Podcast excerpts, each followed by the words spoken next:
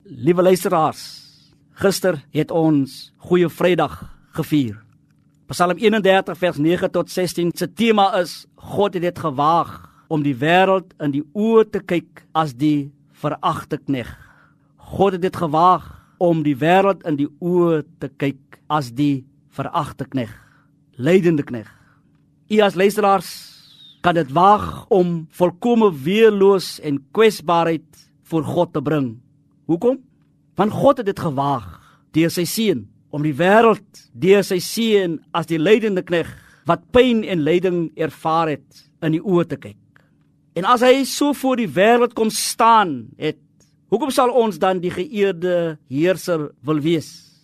As hy die redding aan die kruis gebring het en die verlossing deur sy seun bewerkstellig het, hoekom sal ons dan 'n ander pad kyk?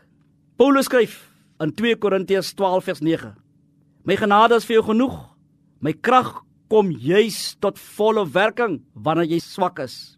Jy kan die pyn en lyding beter verduur, nie omdat jy alleen is nie, maar omdat daar een is wat hom oor ons ontferm het. Goeie Vrydag sê God gee om. God genees. God herstel. God maak die gebrokenes weer heel.